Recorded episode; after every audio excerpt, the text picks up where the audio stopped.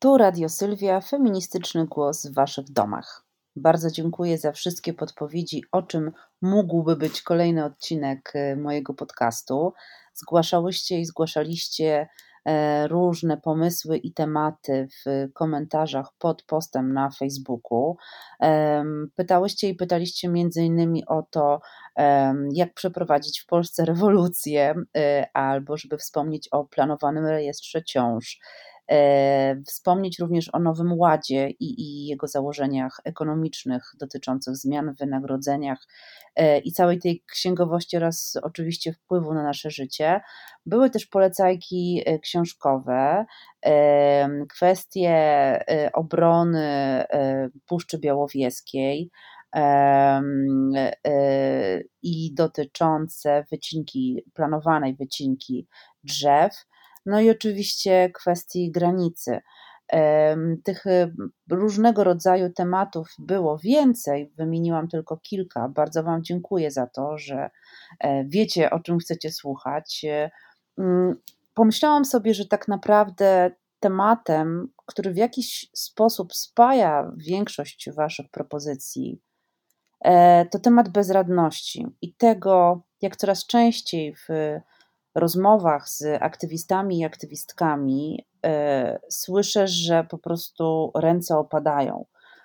Mm, to nie jest tylko wypalenie aktywistyczne, to nie jest tylko poczucie beznadziei e, w takim sensie braku mm, spełnienia się w swojej pracy na rzecz innych, tylko to jest taki poziom zmęczenia, frustracji na pewno, i bezradności, właśnie, który przypomina mm, takie chodzenie w jakimś, nie wiem, w jakiejś takiej magmie, kisielu. E, znacie pewnie taki rodzaj snu, który dość często się śni, to znaczy ktoś nas goni, nie możemy uciec, nasze nogi są jak z waty, albo wręcz przeciwnie, jak z jakiegoś kamienia. Nie możemy się ruszyć. Każdy ruch, jeżeli już go wykonamy, trwa bardzo długo, jest jak na takim slow motion.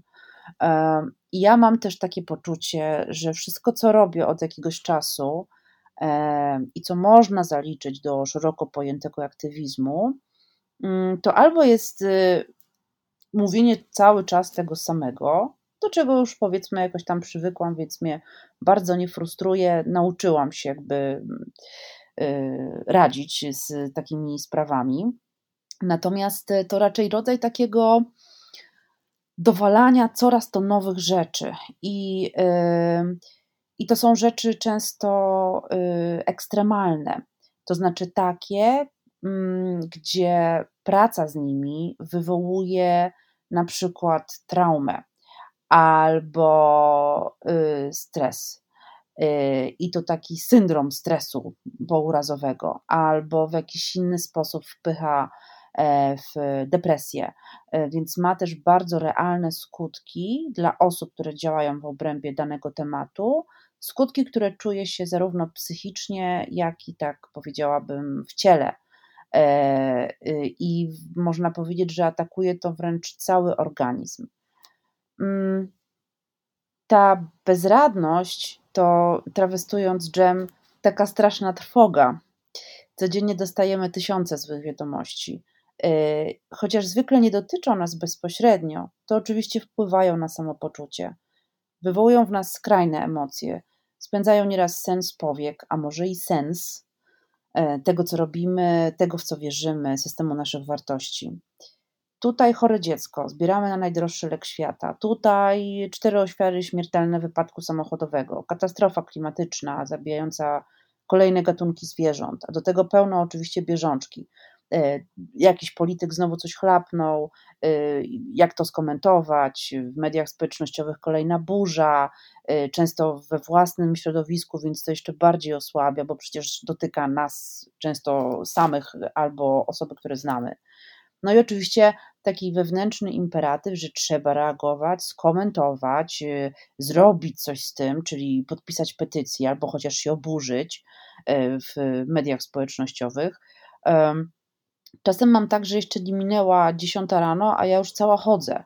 I chociaż siedzę w ciepłym domu, zdrowa, otoczona życzliwymi osobami, no to czuję się, jakbym nosiła na barkach cały świat. Mało tego, e, jakbym sama musiała rozwiązać jego wszystkie problemy. Jak zdobyć pieniądze na leczenie dziecka, co zrobić, aby zmniejszyć niebezpieczeństwo na polskich drogach, e, w jaki sposób zatrzymać e, ekologiczną klęskę, jak naprawić parlament, czy w Sejmie naprawdę muszą tyle kłamać. Mm, wierzę w siebie, jasne, ale przyznam, że nawet w najbardziej optymistyczny dzień nie mogłabym zagwarantować, że oto uporam się ze wszystkimi problemami. Mało tego, w ogóle to nie jest moją rolą. Y, nie ma takiej możliwości, żeby jedna osoba to wszystko załatwiła. Mm, no więc jakie uczucia, jakiego rodzaju uczucia pojawiają się we mnie, kiedy czytam i widzę skalę cierpienia? No, jest to przede wszystkim smutek, złość, y, frustracja wynikająca z niemocy. No i oczywiście pewność, że jutro, pojutrze znowu będę czuła to samo. Bo są oczywiście osoby, które nie śledzą doniesień medialnych. Nie oznacza to, że nie mają empatii i ciekawości, dbają o swoje nerwy po prostu i wiedzą, że niewiele zdziałają, aby uniknąć y, kolejnych wtop i awarii, ale ja nie umiałabym zupełnie odciąć się od otaczającego mnie świata i to nie tylko dlatego, że jestem felietonistką i reaguję na bieżąco. Po prostu mam gdzieś właśnie ten wewnętrzny imperatyw działania na własną mikroskalę, bo to jest mój sposób na radzenie sobie z bezradnością. Być może oparte jest częściowo na próbie zaradzenia, dzięki chaotycznie wykonywanym ruchom, decyzjom, kaskadzie pomysłów. Y, wiecie, nie wiadomo co zrobić, więc róbmy cokolwiek. Oczywiście działam zadaniowo, kiedy przyjaciółka zwierza mi się ze swojego problemu, to nie wystarczy mi tylko kręcić ze zrozumieniem głową, tylko od razu szukam wyjścia z sytuacji i kombinuję, co z tym zrobić. To oczywiście denerwuje wiele osób, ale naprawdę nie mogę przestać wynajdywać rozwiązań, bo każda informacja jest dla mnie wyzwaniem. Dlatego też, mając dostęp do miliona wiadomości, wiosłuję między nimi z lupą i notatnikiem – a może wymyślę szczepionkę na raka, a może rozwiążę problem spirali kredytów lub choćby obniżę stopę procentową. E, I oczywiście, żebym to ja jeszcze znała się na tych sprawach, e, a gdzie tam? Nie mam pojęcia o ekonomii, na medycynie znam się tylko wtedy, kiedy trzeba wziąć aspirynę, że o prawodawstwie nie wspomnę, więc co ja tak naprawdę robię? No oczywiście udaję przed sobą, że mam wpływ na rzeczywistość czy nie mam jednak trochę mocy sprawczych, mimo wszystko, które mogłyby chociaż w niewielkim stopniu poprawić sytuację? No cóż, no, podpisuję niezliczone petycje, listy otwarte, piszę płomienne posty na Facebooku, wypowiadam się w mediach, nie kryję oburzenia. No oczywiście robię konkretne rzeczy, przekazuję pieniądze, pomagam bezpośrednio, zbieram rzeczy dla potrzebujących i tak dalej. Mm, wierzę w to, że nie wszystko stracone.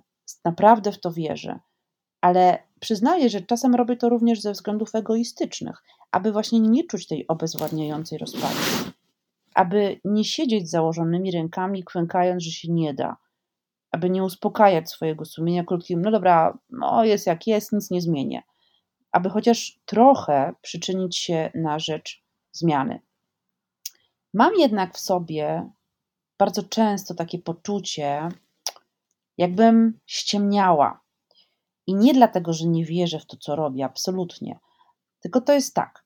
Na przykład w, w czasie spotkań autorskich, a jakichś dyskusji albo w komentarzach, yy, ludzie pytają się mnie, w jaki sposób można działać społecznie. A może zapisać się do partii politycznej i tam starać się mieć wpływ na sytuację. Yy, a może założyć kolejną organizację pozarządową. W ogóle co robić? No, Trudno mi jest wtedy jednoznacznie odpowiadać i doradzać, chociaż czuję się oczywiście w obowiązku zareagować, no choćby po to, aby nie zostawić ludzi pełnych energii do zmiany. Sugeruję wolontariat, działanie w mikroskali, na osiedlu, we wsi, wśród najbliższych sąsiadów. Staram się też przekonywać, że nawet najmniejszy ruch się liczy i nie trzeba od razu poświęcać całego czasu wolnego na działanie. Zresztą to nie konkurs na najbardziej aktywną aktywistkę, tu się liczy choćby najmniejsza zmiana. Mm, dlatego też sama siebie uspokajam, że nie mogę zrobić wszystkiego, czego bym chciała. Nawet nie mogę zrobić wszystkiego, co bym potencjalnie mogła, mając na uwadze i będąc świadomą swoich przywilejów. Bo zwyczajnie nie starczy mi na to ani czasu, ani energii. Zresztą liczy się jakość pomagania, a jego ogrom. Kiedy pod naszą wschodnią granicą umierają teraz ludzie, trudno jest przyjąć to oczywiście do wiadomości. Odruchy serca i miłosierdzie to naturalna reakcja. Empatia dla mnie jest po prostu ludzkim objawem i nie mam ochoty ani zamiaru się z tego tłumaczyć. Mm, dobrze jest wtedy rozejrzeć się dookoła, zobaczyć, co można zrobić w najbliższym otoczeniu. Mówiąc wprost, wyżyć się, przenieść y, energię na innych potrzebujących. Nie jesteśmy w stanie uratować wszystkich i wszystkim pomóc, ale oczywiście warto próbować choćby na niewielką skalę. E, dlatego też, kiedy pytają się mm, e, ludzie, jak pojechać, w jaki sposób pojechać na granicę, co tam można robić, och, chciałabym, chciałbym tam jechać, to ja rozumiem, też mam taki odruch serca, ale czasami lepiej zostać na miejscu i na przykład w wypadku kwestii granicy pomóc osobom uchodźczym, które już są w naszym kraju, bądź też skupić się na innej formie pomocy, niekoniecznie, no mówię tu brzydko i trochę wprost, ale pompować swoje ego tym, że się teraz pojedzie na białym koniu i uratuje wszystkich z, z lasu. Bo czasami lepiej działać lokalnie, właśnie po to, e, żeby trochę po pierwsze e, zadbać o swoją energię, e, a po drugie, mm, a po drugie, żeby skupić się na bardzo konkretnej pracy. E, dlaczego powiedziałam, że czasami czuję się jak, e, no jakbym oszukiwała? Bo mam takie sytuacje, w których właśnie ktoś pyta się mnie, e, co z tą Polską, co zrobić, no właśnie, jak przeprowadzić rewolucję. Ja, jako ta zadaniuwa, od razu po prostu jestem w tym i zaczynam kombinować, co tu zrobić. Wtedy też nagle mam jakiś po prostu wysyp pomysłów. Jestem szalenie kreatywna, jestem coachem rewolucji po prostu, waszą coachką. Mówię po prostu jak żyć, nie mam z tym żadnego problemu. E, uśmiecham się, mówię, że wszystko będzie dobrze, mówię, że za Wojciechem Młynarskim róbmy swoje, nie damy się, po prostu praca u podstaw i tak dalej. Ja w to wszystko totalnie wierzę. Tylko, że mam takie poczucie, że sztucznie pompuję po prostu siebie również w tym. I kiedy kończę taką rozmowę, Czasami to jest rozmowa online, więc wtedy wyłączam komputer i po prostu czuję w jednej sekundzie, jak moja twarz mi zjeżdża na dół i ja po prostu e, całą energię, którą miałam, poświęciłam na przekonywanie siebie i innych, że jest ok, a nawet jeśli nie jest ok, to naszą pracą i naszym zaangażowaniem kiedyś to ok nastanie. E, I znowu, tak, ja wierzę w to, co mówię, tylko to poczucie bezradności i nieraz beznadziei jest też moim doświadczeniem. I zwykle zastanawiam się, y, na ile mogę się po prostu z tego zwierzyć, na ile się mogę do tego przyznać. Mm, czy to nie osłabi, że tak się wyrażę, rewolucyjnego ducha, y, czy to jeszcze bardziej nie zdołuje ludzi i tak zdołowanych i nie załamie ich w tym, co robią, chociaż i tak naprawdę mają podgórkę. Więc biorę na siebie tę rolę, yy, czy liderki. yy, ja ją lubię, nie mam z tym problemu, tylko biorę też taki pewien margines, że jest to takie trochę, no jednak podpompowywanie się yy, w słusznej oczywiście sprawie, ale jednak to nie jest na 100% coś, w co ja wierzę. Nie mam Y, jakiejś mocy, nie jestem wróżbitką, żeby teraz y, powiedzieć Wam spoko. Jeszcze kilka lat i będziemy, nie wiem, Irlandią. Jeszcze kilka lat, a po prostu Kościół katolicki wyjdzie z e, publicznej przestrzeni polityczno-społecznej i w związku z tym wiele rzeczy jakby pójdzie do przodu kwestii obyczajowości, ale też kwestii prawa, mm, emancypacji grup mniejszościowych i tak dalej. No idea, nie wiem. Gdzieś w środku siebie wierzę, że tak będzie. I naprawdę wierzę, że nie ma co no, cały czas skrolować wiadomości, bo po prostu człowiekowi pęknie głowa i mu wysiądą bezpieczniki. Lepiej ten czas poświęcić na realną robotę na rzecz innych, ponieważ inaczej to będzie mega frustra. E, Oczywiście jest często tak, że jesteśmy osłabieni też wewnątrz siebie mm, i wewnątrz siebie też mamy podziały. Te podziały też widać na zewnątrz. E, I czasem bardzo trudno jest z nimi walczyć, ale też się wobec nich odnosić.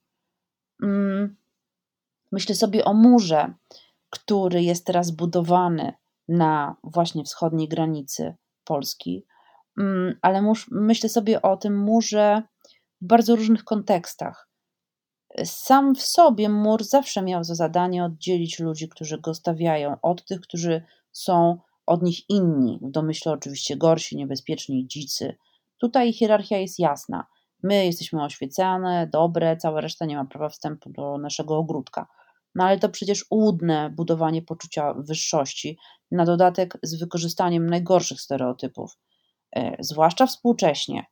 Naprawdę nie możemy czuć się bezpieczne i nie możemy wciąż się zamykać, e, i żaden największy mur na świecie e, nie sprawi, że nasze życie będzie fantastyczne, niezależnie od jakby kwestii moralności i w ogóle sensu go stawiania.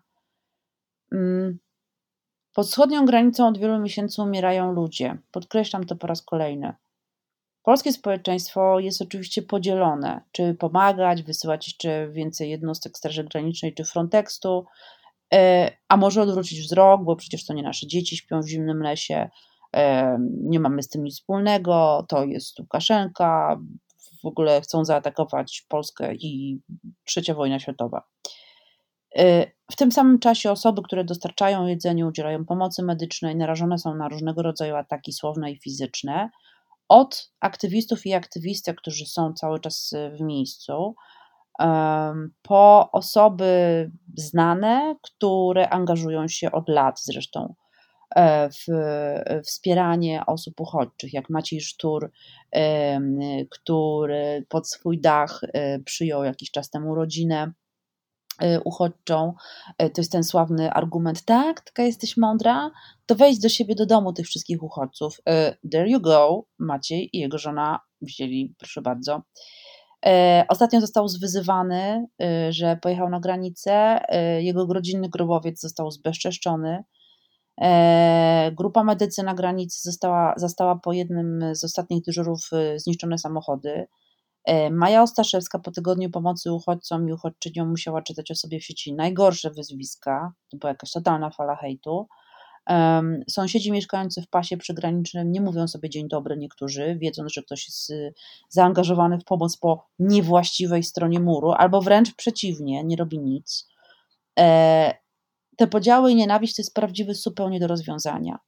W tym wszystkim są oczywiście badania, liczby, statystyki, analizy polityczne, mniej lub bardziej profesjonalne, mądre y, przypisy, które miałyby e, potencjalnie chociaż pomóc nam w zorientowaniu się w całej tej sytuacji. E, no, ale przecież ludzie, którzy utkwili w śmiertelnej pułapce między państwami, mają tożsamość, mają imiona, nie są tylko statystyką, nie są tylko numerem, nie są tylko y, złą stroną muru. Sangar z Kirkuru, y, lat 26, wielokrotnie przepychany przez druty na pograniczu, pobity, rażony prądem, wykończony. Chce składać wniosek o ochronę w Polsce. Czy się uda? Nie wiadomo. Ahmad al-Hassan, 19-letni chłopak, który szukał lepszego życia, miał nadzieję, że skończy tutaj swoje studia, które zaczął w obozie dla uchodźców w Jordanii. Sam urodził się w Syrii, miał 12 y, lat, gdy y, uciekł razem z rodzicami przed wojną domową. Potem właśnie trafił do obozu dla uchodźców. Tam spędził ostatnie lata. Tam zresztą zmarł również jego ojciec. Y, Ahmad chciał jechać do Niemiec, do Dortmundu, gdzie mieszkał już jego przyjaciel, no właśnie, żeby kontynuować naukę. Chciał zresztą przedostać się przez granicę z Polską, właśnie po to, żeby jechać tam i dalej żyć, może wreszcie spokojnie. E, no, ale białoruscy funkcjonariusze kazali przejść jemu i pozostałym ludziom z grupy przez Bóg. E, Ahmad i jego przyjaciel weszli pierwsi, porwał ich nurt. Pozostała szóstka uciekła. Mm, no, a on nie umiał pływać i w tej wodzie został. Wiele mówi się o tym, że przyjeżdżają tylko silni mężczyźni. Tak jakby to było jakimś zarzutem. To oczywiście nie jest prawda. W lesie są też dzieci, są też osoby starsze, chore. E, jakiś czas temu zaproponowałam znajomym, żeby uszyć zabawki dla dzieciaków, takie malutkie, żeby zmieściły się w dłoni, kiedy będą musiały uciekać. To naprawdę nie jest ich wina, że dzieciństwo muszą spędzać jak na wojnie, w ciągłym głodzie, strachu. Chcieliśmy, żeby kolorowe misie lub te ludziki, które zostały uszyte, umilą im ten czas, nawet trochę, nawet do momentu, kiedy nie odeślą ich z powrotem do niczyjego pasa ziemi, na której władze polskie i białoruskie będą przypychać ich w obie strony, aż, yy, aż to się wszystko samo yy, zakończy mrozem, nie wiem, może kolejnymi restrykcyjnymi prawami. To właśnie ten kolejny mur zideologizowany, pełen wzajemnych animozji czy wręcz nienawiści. Politycy jak zwykle rozgrywają y, to niewinnymi ludźmi i rozgrywają nimi jak pionkami na takiej wielkiej szachownicy, oby do przyszłych wyborów. Wokół tej szachownicy tłum ludzi, który ujada na siebie w zacietrzewieniu. Kazik z kultu śpiewał Moja ulica murem podzielona, świeci neonami prawa strona, lewa strona cała wygaszona, za zasłony obserwuje obie strony. Ale coraz bardziej zasłona jest dziurawa. Trudno przy, przyjąć y, postawę pomiędzy, y, że ja sobie tylko obserwuję no mi osobiście nie pozwala na to ani empatia, ani właśnie to miłosierdzie, o którym wspomniałam. Mm, na szczęście nie pozwala również to innym osobom. Dlatego na granicy spotykają się katolicy, ateiści, Żydzi, muzułmanie, pewnie mogą tak jeszcze wymieniać długo. Nie patrzą na pochodzenie czy wyznawaną religię, po prostu gotują zupy, wykupują półki sklepów sportowych, aby dostarczyć termiczną bieliznę tym, którzy wciąż są w lasach, bo po prostu nie mogą z nich wyjść. E, biegną tam, gdzie, y, gdzie ląduje pineska, e, szukają często godzinami w ciemnej puszczy miejsc, gdzie tymczasowo przebywają uchodźcy i uchodźczynie, ludzie, którzy potrzebują pomocy, no i właśnie im pomóc próbują. Myślę ciągle o dzieleniu i coraz większych wydatkach na zbrojenie, przed oczami mam obraz z przyszłości, opowieści, które poznawałam czytając wojenne książki. E, ten kontekst zagłady włącza się to automatycznie. Mm. Myślę sobie o tej bezradności. Myślę o tym, jak bardzo mały, mamy mały wpływ na politykę, ale mamy wpływ na to, w jaki sposób możemy pomagać innym osobom. Jeżeli nie mamy możliwości jechania na granicę, zawsze możemy wpłacać pieniądze, y, organizować zbiórki bądź je nagłaśniać albo, albo w jakiś inny sposób w nich brać udział. Po prostu robić wszystko, co możemy na dany moment. Ale jak już wcześniej mówiłam o tym, czasami to poczucie bezradności i frustracji, zwłaszcza wobec tej tak zwanej wielkiej polityki, jest przytłaczające. I moim wyjściem z sytuacji jest właśnie przeniesienie wektorów y, działania i, i takiego właśnie takiej zadaniowości na inne tematy, takie, które w jakiś sposób mogę pociągnąć, które w jakiś sposób jeszcze jakoś zależą ode mnie. To po prostu mnie ratuje przed, y, przed totalnym załamaniem się, a z drugiej strony nadal coś robię, nadal robię coś dla innych. E, to mogą być naprawdę małe rzeczy. Nie mówię tu o żadnych jakichś wielkich, spektakularnych działaniach, które e, zmuszałyby nas do, nie wiem, przeorganizowania własnego życia. Mm. Wiem, że ten termin bezradności jest mało sprawczy, on trochę rzeczywiście dołuje, ale nie umiem nazwać tego inaczej. Byłabym nieszczera, gdybym szukała jakichś synonimów lepiej brzmiących. Zresztą tej bezradności się nie wstydzę i myślę, że, że ona wstydliwa nie jest. Y, ona jest wynikiem po prostu tego, co przez lata też y, robią z nami inni i na to sobie pozwalają, na co być może my im pozwalamy, czy pozwalaliśmy. Więc to jest jakaś tam konsekwencja tego, co działo się od lat. Ale niezależnie od wszystkiego, skąd ona się wzięła i skąd ta sytuacja w ogóle, mm, gdzie, gdzie jest jej geneza, to cały czas to poczucie braku możliwości wpływu e, i inicjowania takich konkretnych zmian, często radykalnych, e, jest przytłaczająca. Więc chciałabym po prostu powiedzieć, że ja też to czuję, radzę sobie z tym w ten sposób, że po prostu robię dalej, To trochę taki desperado ze mnie wychodzi, no ale trudno. E, I właściwie jedyne co mam, jeżeli ktoś, czy ktoś chciałaby posłuchać jakiejś mojej, za przeproszeniem, rady, no to po prostu nie mam nic innego więcej do powiedzenia, jak tylko to, żeby robić swoje. Robić cały czas po prostu to, co się robiło. Ograniczać czasami media, yy, nie wiem, sprawdzając dwa razy dziennie, może krótko, nie dawać się po prostu totalnie e, zdołować tym, co się dzieje, albo inaczej sposób, sposobem, w jaki mówi się nam o tym, co dzieje się na świecie. Um, bo to po prostu jest wypalające, to jest, to jest destruktywne i to niewiele nam da. Ale też myślę, że ucieczka w, nie wiem, oglądanie 50 sezonów seriali pod rząd na dłuższą metę też może być trudna i też może być wypalająca, chociaż teoretycznie odłączamy się i nie myślimy o niczym. Mm, bo to wszystko są konsekwencje tego, w jak wielkim stresie żyjemy, zwłaszcza jako osoby w różny sposób marginalizowane. E, nawet jeżeli mamy jakąś pulę przywilejów, to no, nie zawsze one starczą na różne rzeczy, które dzieją się nam. Na koniec y, raz jeszcze bardzo dziękuję za podpowiedzi tematów. Mam nadzieję, że one chociaż w jakimś niewielkiej mierze, ale jednak znalazły się e, w dzisiejszym odcinku Radia Sylwia. E, a teraz czas na nowy cykl.